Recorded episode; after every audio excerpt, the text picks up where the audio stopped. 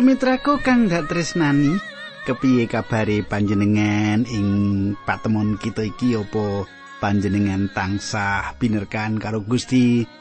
Bagas waras, iya mengkono iku pandungane aku sak kanca saka batu panjenengan tansah pinayungan dening Gusti kang murping jagat. Ing karodhangan iki kaya padatan aku bakal bebarengan karo panjenengan ing sawetara wektu iki yaiku ana ing adicara margi utami. Adicara kang wis dianti-anti dening panjenengan mengkono. Tak suwun panjenengan wis nyawisake wektu wis nyawisake kitab suci ne lan sugeng midhangetake adicara iki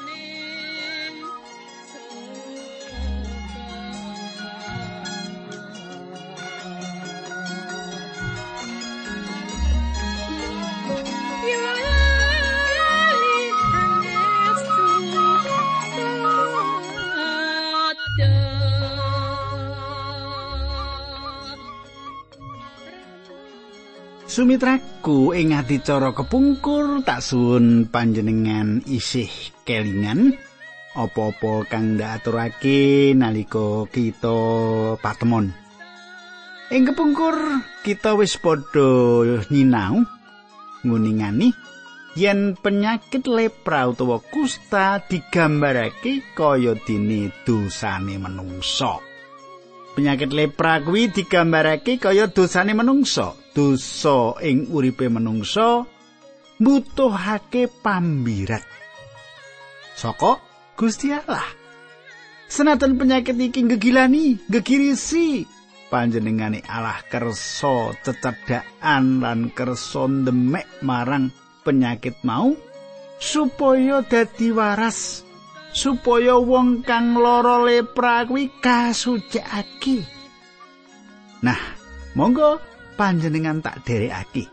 Ngegilut kanthi dipurwakani ing pandonga.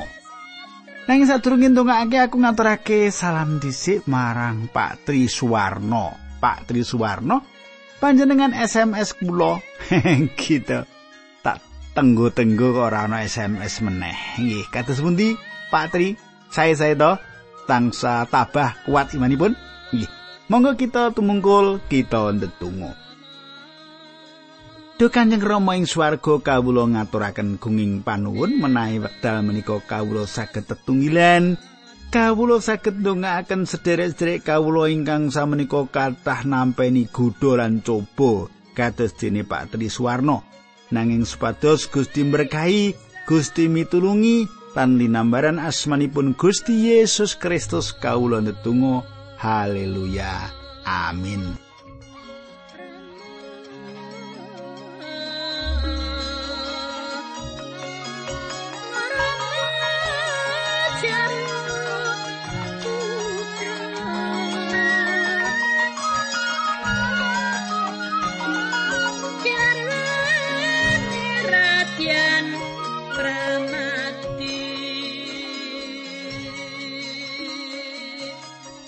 Kadangku kang ndak tresnani, kita bakal miwiti sinau saka kitab Kaimaman. Kita bakal sinau saka kitab Kaimaman saiki neruske ayat sing kaping papat. Mengkene surasane pangandikan nanging yen perangane kulit sing putih maura lekok ketimbang karo kulit ing sakiwa tengene lan wulune ora malih dadi putih, wong mau kudu dipisah lawase pitung dino. Sumitraku, ing ayat iki dicethakake sakjroning mreksa sing dianggep kena lara kusta isih ana tetimbangan sing kudu dipikir. Kaya dene Allah nggone sabar lan nimbang-nimbang penggalihe marang kita manungsa dosa.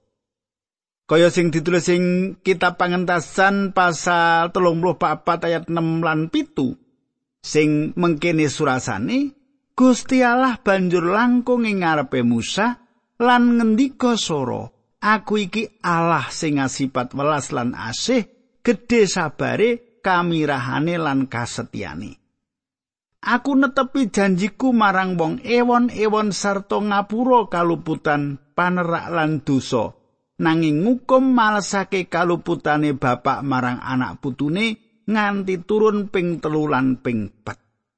Kadangku mengkono surasane ing kitab pangentasan bab 34 ayat 6 nganti pitu.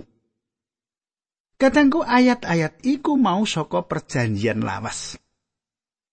Lah ana ing perjanjian anyar kepriye isine? Rasul Petrus nyerat mengkini. Mengkini surasane Loro Petrus telu ayat songo. Gusti ora mlenjani janji sing diparingake kaya penganggepe saweneng wong. Satemene panjenengane nyabari kowe. Awit kersane aja nganti ana wong sing nemu karusakan, malah kabeh wong padha baliyo lan mratobato saka dosa-dosane. Mengkono surasane loro Petrus telu ayat songo. Katangku kanggo nerusake pamriksan wong sing diarani kena lepra mau dening imam dipapanake ing sawijining panggonan kaya dene dikurung ora kena srawung karo liyan lawase pitung dina. Mengkono uga Allah ngersakake supaya donya iki uga dikurung supaya dosa ora ngombro-ombro. Nah katangku nenek wong sing dosa, wong sing salah, becike ora etuk menang dindi dhisik, ya dengkon ngrenungake dhisik kepiye kok iso nganti gawe dosa supaya apa? Supaya ora nulari kancane mengkono. Nek ning gereja kira-kira bisa enggak iki katangku? Ayo saiki tak terusake nulis Rom 11 ayat 32. Sebab wong kabeh wis didadekke tawanan merga pambalelani supaya Gusti Allah nglairake sih piwelase marang wong-wong mau. Kadangku ndadekake tawanan tumrap donya iki ateges dikucilake ora kena srawung karo liyan. Saiki kaimaman telulas ayat 5. Sawise pitung dina imam kudu mriksa wong mau meneh, yen miturut panemune kulit sing lara mau rupane ajek wae dadi ora mremen wong kuwi kudu dipisah pitung dina meneh. Kadangku ana conto sing becik kanggo kita ya iku ora enggal ngadili liyan nibake paukuman kanthi kesusu marang liyan? Ora sah kesusu padha-padha nunggah kapercayan becike kanthi sareh yen kita ndeleng ana kanan sing ora bener marang sedulur kita kudu sareh. Diranti dhisik dienteni dhisik kepiye kabul kawusanane. Aja ucuk-ucuk tras tlos tras tlos wong liya dadi ketaton kabeh atine. Aja kesusu Paulus nyerat marang Timotius mengkini ing siji Timotius 5 ayat 19 Yen ana pandakwa marang sawijining pinituwa aja kok ladeni kejaba yen diajokke nganggo seksi loro utawa telu Kadangku Rasul Paulus uga ngemotake ngilingake marang kita yen ing pungkasane jaman bakal akeh wong sing dadi tukang pandakwa sing palsu. Saiki neruske kaimaman 13 ayat 6. Sawise pitung dina imam kudu mriksa wong mau meneh. Dene yen larane sudo lan ora mremen, wonge ditetepake resik dening imam. Tegese loro kulit mau ora mbebayani. Wong mau kudu ngumbah sandangane lan dianggep resik. Kadangku, Nalika wong-wong sing lara kusta lepra mau swaning ngarsane Gusti Yesus, Gusti Yesus banjur ndemok wong sing lara mau lan sing lara mau banjur disucikake, diwarasake. Panjenengane uga paring dawuh yen dosane wis padha diapura. Semono yen kita manungsa nandang lara kusta rohani. Sang juru wilujeng kersa paring pangapura malang dosa-dosa kita. Secara badani sing lepra diwarasake, secara rohani batine disucake lan uripe diapura dosani. Jangkep paringi pitulungan marang kita. Saiki ayat pitulan wolu kaimaman batrulas. Nanging yen sawise ditetepake resik dening imam, larane kulit mau mbabrah, wonge kudu mriksakake maneh marang imam. Imam kudu mriksa meneh lan yen larane mbabrah temenan, wonge kudu ditetepake najis lan cetha yen lara kusta. Kadangku sawise pamriksan sing kaping telu, apa Gusti Allah isih paring kalodhangan kapindo marang wong-wong sing dianggep lara kusta mau? Kadangku, Allah iku maha asih kanthi mengkono bakal nyediake kalodhangan-kalodhangan kesempatan-kesempatan sing tanpa upama marang kita wong dosa. Nanging keputusan kudu disediake kanggo sing nyata-nyata pancen lara kusta. ngegirisi banget yen wis nampa keputusan yen wong mau pancen lara lepra utawa kusta bakal dikucilake saka keluarga lan masyarakat. Nanging yen wis diputusake dening para imam yen wis dianggap suci, wong mau bakal bebas. Wong mau bakal merdeka kumpul karo masyarakat lan keluarga. Wis suci, wis resik lan wis merdeka. ana sawetara sedulur sing wis ngaku mertobat nanging kanthi sesideman isih nglakoni dosa ing uripe senajan disimpen rapet opah piwewe dosa iku mesti bakal dikonangi dening liyan. Siji Yohanes loro ayat 19 Para antikristus mau padha ana ing tengah kita nanging satemene pancen dudu panunggalan kita. Sebab saupama wong-wong kuwi panunggalan kita temenan, mesti padha tetep enggone nunggal karo kita. Nanging wong-wong kuwi padha ninggal kita supaya tetelo yen satemene siji wae ora ana sing dadi panunggalan kita. Mangkono surasane siji Yohanan loro ayat 19 saiki tekan kaimaman telulas ayat 9 lan 10 mangkene surasane. Wong sing nandang lara kusta kudu disowanake imam. Imam banjur mriksa yen kulit sing lara mau malih putih lan wulune uga dadi putih sarta metu korengi ayat 11 kuwi nelakake yen wonge lara kulit imam kudu netepake wong mau najis wonge ora perlu dipisahake utawa dikurung awit wis cetha yen najis. Kadangku ana maneh sing nyata-nyata nglakoni dosa nanging tetep wangkot atini, malah kepara ngece lan ora seneng yen to ana sing ngarani yen sedulur kita mau kaya cempe nakal lan blasar sing wis ketriwa. Saiki ayat 13 telulas lan 14 teko 15. Yen kulit sing katon putih mau mbabrah sak awak sekujur, imam kudu mriksa wong mau meneh yen larane mau wis mremen ngebaki awak sakujur lan kulite wis rata putih kabeh wonge ditetepake resik nanging yen metu korengi imam banjur kudu mriksa meneh lan yen pancen koreng wonge kudu ditetepake najis merga koreng kuwi nelakake yen wonge lara kusta.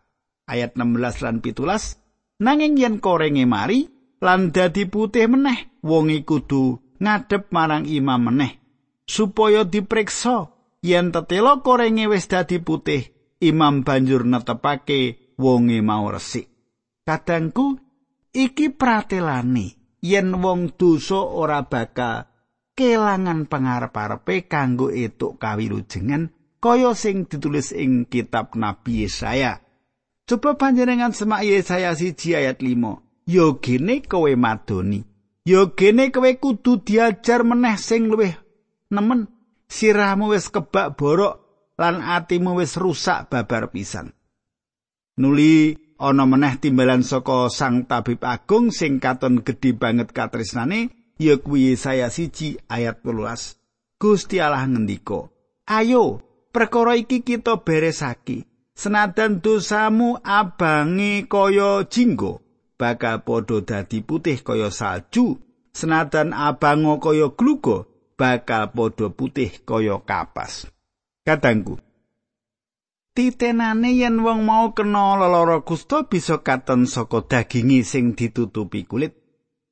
Ing kitab suci uga akeh ngandhake bab daging iki malah kanggo menehi tondo tengoro marang kabeh wong pracaya ing bab iku. Siji Korinta siji ayat 29 mengkene surasane. Srana mengkono ora ana wong sing bisa gumunggung ana ing ngarsane Gusti Allah lan sing dikarepake mengkene. Para sedulur ya kuwi badan kita sing sifat daging lan getih iki ora bisa melu urip ana ing kratoning Gusti Allah. Lan titah sing kena ing rusak iki ora bisa duwe sifat langgeng. Banjur saka Efesus loro ayat telu. Satemene kita kabeh iki biyen ya kaya wong-wong mau. Kita padha urip nuruti hawa nepsu kita dhewe lan nindakake apa wae sing dadi pepinginane badan lan pikiran kita. Biyen urip kita padha wae karo wong-wong liyane nganti kita ya ketaman bebendune Gusti Allah. Kadangku, sifat kedagingan nandhake sifat lawas sing kudu dihukum ing pamentangane Sang Kristus. Mula nalika sifat kedagingan para wong pracaya wit ngatonake tumindake, Allah mesti wis nyawisake paukuman sing ora bisa dikendhaleni. Sifat kedagingan ora dadi keparengi Allah. Mung sarana semangat lan tumindak sing adhedhasar sih rahmati Allah ing roh suci sing dadi keparengi. Saiki kaimaman bab telulas ayat wolulas nganti telulikur mengkene surasane.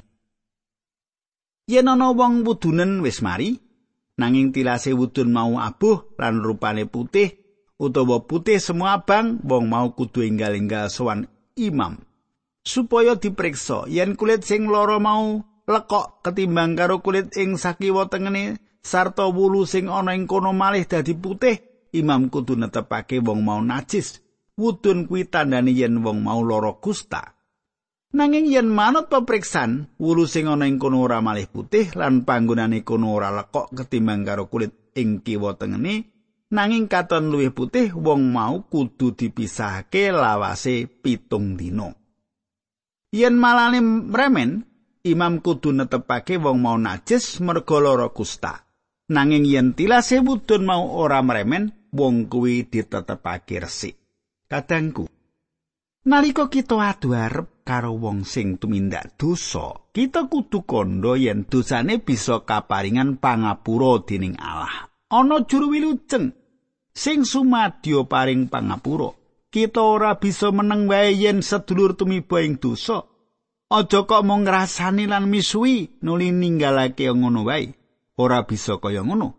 Panjenengan lan aku duweni kewajiban atur pitulungan kanthi menehi pengarep-arep yen dosane bisa diapura dening Allah Sang Juru Wilujeng ya Gusti Yesus Kristus. Saiki kaimaman telulas ayat palikur nganti ayat pitulikur. Yen wong kulite kobong lan tatune kulit mau katon putih utawa putih semua abang. Wong iku kudu dipriksa dening imam yen wulu ing tatu mau dadi putih lan tatune lekok ketimbang karo kulit ing sakiwa tengene. Kuwi tandha yen tatu sing merga saka kobong mau saiki dadi lelara kusta. Mulane imam kudu netepake wong kuwi najis nanging yen wulu ing tatu mau malih dadi putih lan ora lekok ketimbang karo kulit ing sakiwa tengene, wong mau kudu dipisahake lawase pitung dina. Let pitung dina imam kudu mriksa wong mau meneh lan yen larane pancen meremen temenan, kuwi tandha yen wong mau lara kusta. Imam kudu netepake wong mau najis. Ing layang Rom Rasul Paulus nulis ngene. Rom 6 ayat 19. Nggonku nganggo tulodo budak kuwi supaya gampang kok tampa. Biyen kowe padha masrahake badanmu sak dadi budake penggawe sing kotor lan duraka kanggo nindakake piolo. Semono uga saiki barang wis dadi abdini bebeneran, badanmu sak padha pasrahno kanggo lantaraning tumindak sing dadi keparengi Gusti Allah. Kadangku ayat iki saben bagiane menehi tulodo marang kita supaya kanthi tumemen njlimeti daging kita endi sing ana wudune nliti daging kita endi sing ana wudune jalaran Allah ora keparang marang tumindak kedagingan Kaimaman telulas ayat wolikur nganti telung puluh. Nanging yen ajeg wae lan ora mremen lan mung belang tondo yen dudu lara kusta. Imam banjur kudu netepake wong mau resik awit malane mau mung tatu mergo gosong. Yen ana wong lanang utawa wadon lara kulit ing sirah utawa gulu, wong iku kudu dipriksakake imam. Yen panggonan sing lara mau lekok ketimbang karo kulit ing sakiwa tengene lan rambut sing ana ing kono malih dadi kuning sarta rontok, kuwi tandha yen wonge lara kusta. Wonge mau kudu ditetepake najis. Sumitraku, ana kalane dosa iku mlebu ing urip kita kanthi cara sing alon-alon. Kita ora krasa, ucuk-ucuk wis tekan ing gulu. Kanan iki uga bisa ngrasuk sapa wae klebu ing antarane para majelis, para pelayan ing gereja. Kaimaman telulas ayat telung siji nganti ayat telung pitu mengkene surasane. Yen miturut pepriksane imam panggonan sing loro mau ora lekok ketimbang karo kiwa tengene, nanging rambuté ora subur wonge kudu dipisahake pitung dino. Sawise pitung dina imam kudu mriksa panggonan sing loro mau meneh yen larane ora mremen lan rambuté ora malih semu kuning apa meneh ora lekok ketimbang karo kulit ing sakiwa tengene? Wong mau kudu dicukur rambuté sing ana ing sakiwa tengene panggonan sing loro mau lan kudu dipisahake meneh pitung dina. Ing dina kapitune imam kudu mriksa meneh yen larane ora mremen lan kulite ing kono ora lekok ketimbang karo kulit ing sakiwa tengene wong mau ditetepno resik, wonge banjur kutu ngumbah sandangane. Nanging yen larane mremen, sawise wong mau ditetepake resik, imam wis ora perlu mriksa apa rambuté wong mau malih semu kuning apa ora, merga wis cetha yen wong kuwi najis. Nanging yen manut panemune imam larane ora mremen lan rambut ing kono subur, kuwi tandha yen larane wis mari lan imam kudu netepake wong kuwi resik. Kadangku, Ing ayat iki nuduhake yen kahanane wong iku mau ora jalaran penyakit kusta utawa lepra. Sepisan maneh ana wektu kanggo nemtokake kanthi mantep wong mau kena kusta apa ora. Senajan wis dikurung dikucilake seminggu lan bisa tambah maneh kurungan seminggu lawase. Iki bisa kita nggo tulodo supaya kita aja enggal nibakake paukuman utawa pandhakwa marang sapa wae apa maneh marang para peladose pesamuan. Kudu ditimbang kali bener. Diteliti kali tumemen, nuli lagi nibake keputusan wong mau kena loro kusta apa ora. Yen tanda-tandane pancen cetha, nuli bisa diputusake yen wong mau najis, nanging yen ora, kudu di ramekake ing ngarepe wong akeh. Diramekake ing ngarepe wong akeh yen dheweke iku suci utawa tahir. Saiki kita terusake ka imaman terulas saya telung puluh wolu nganti patang loro mengkini. Yen ana wong lanang utawa wadon sing kulite pating blentong, wong mau kudu dipriksakake imam. Yen blentonge mung semu putih kuwi mung panu lan wonge ditetepake resik. Yen wong lanang sirahe buta, sisih ngarep utawa mburi wong mau ora najis merga saka nggone buta. Nanging yen panggonan sing buta mau ana tatune putih semua abang wong kuwi lara kusta. Mulane kudu dipriksakake imam lan yen ketitik ana tatune putih semua abang, imam kudu netepake wong kuwi najis merga nandang lara kusta ing sirahe. Wong sing lara kusta kudu nganggo sandangan sing pating srempal lan ora kena jungkati rambuté. Raine sing ngisor kudu ditutupi sarta alok-alok najis-najis.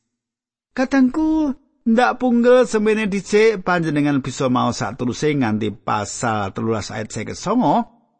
Si penandang bisa nularake leprane kanthi sesinggulan lan memelas dene wong mau bisa marakake najis apa sing ana kiwa tengeni. Kaya kahanane wong dosa sing bisa nyebarake dosane ing ngendi panggonan sing dituju. Sumitraku semene dhisik aturku monggo kita tutup kanthi pandonga Durama ingkang adhedhampar kraton ing kasuwargan kawula ngaturaken gunging panuwun menawi kawula ing wanci menika saged mbabar sabda paduka lan kula suwun nambah ana kawruh karohanen kangge sanak kateng ingkang midhangetaken adicara menika.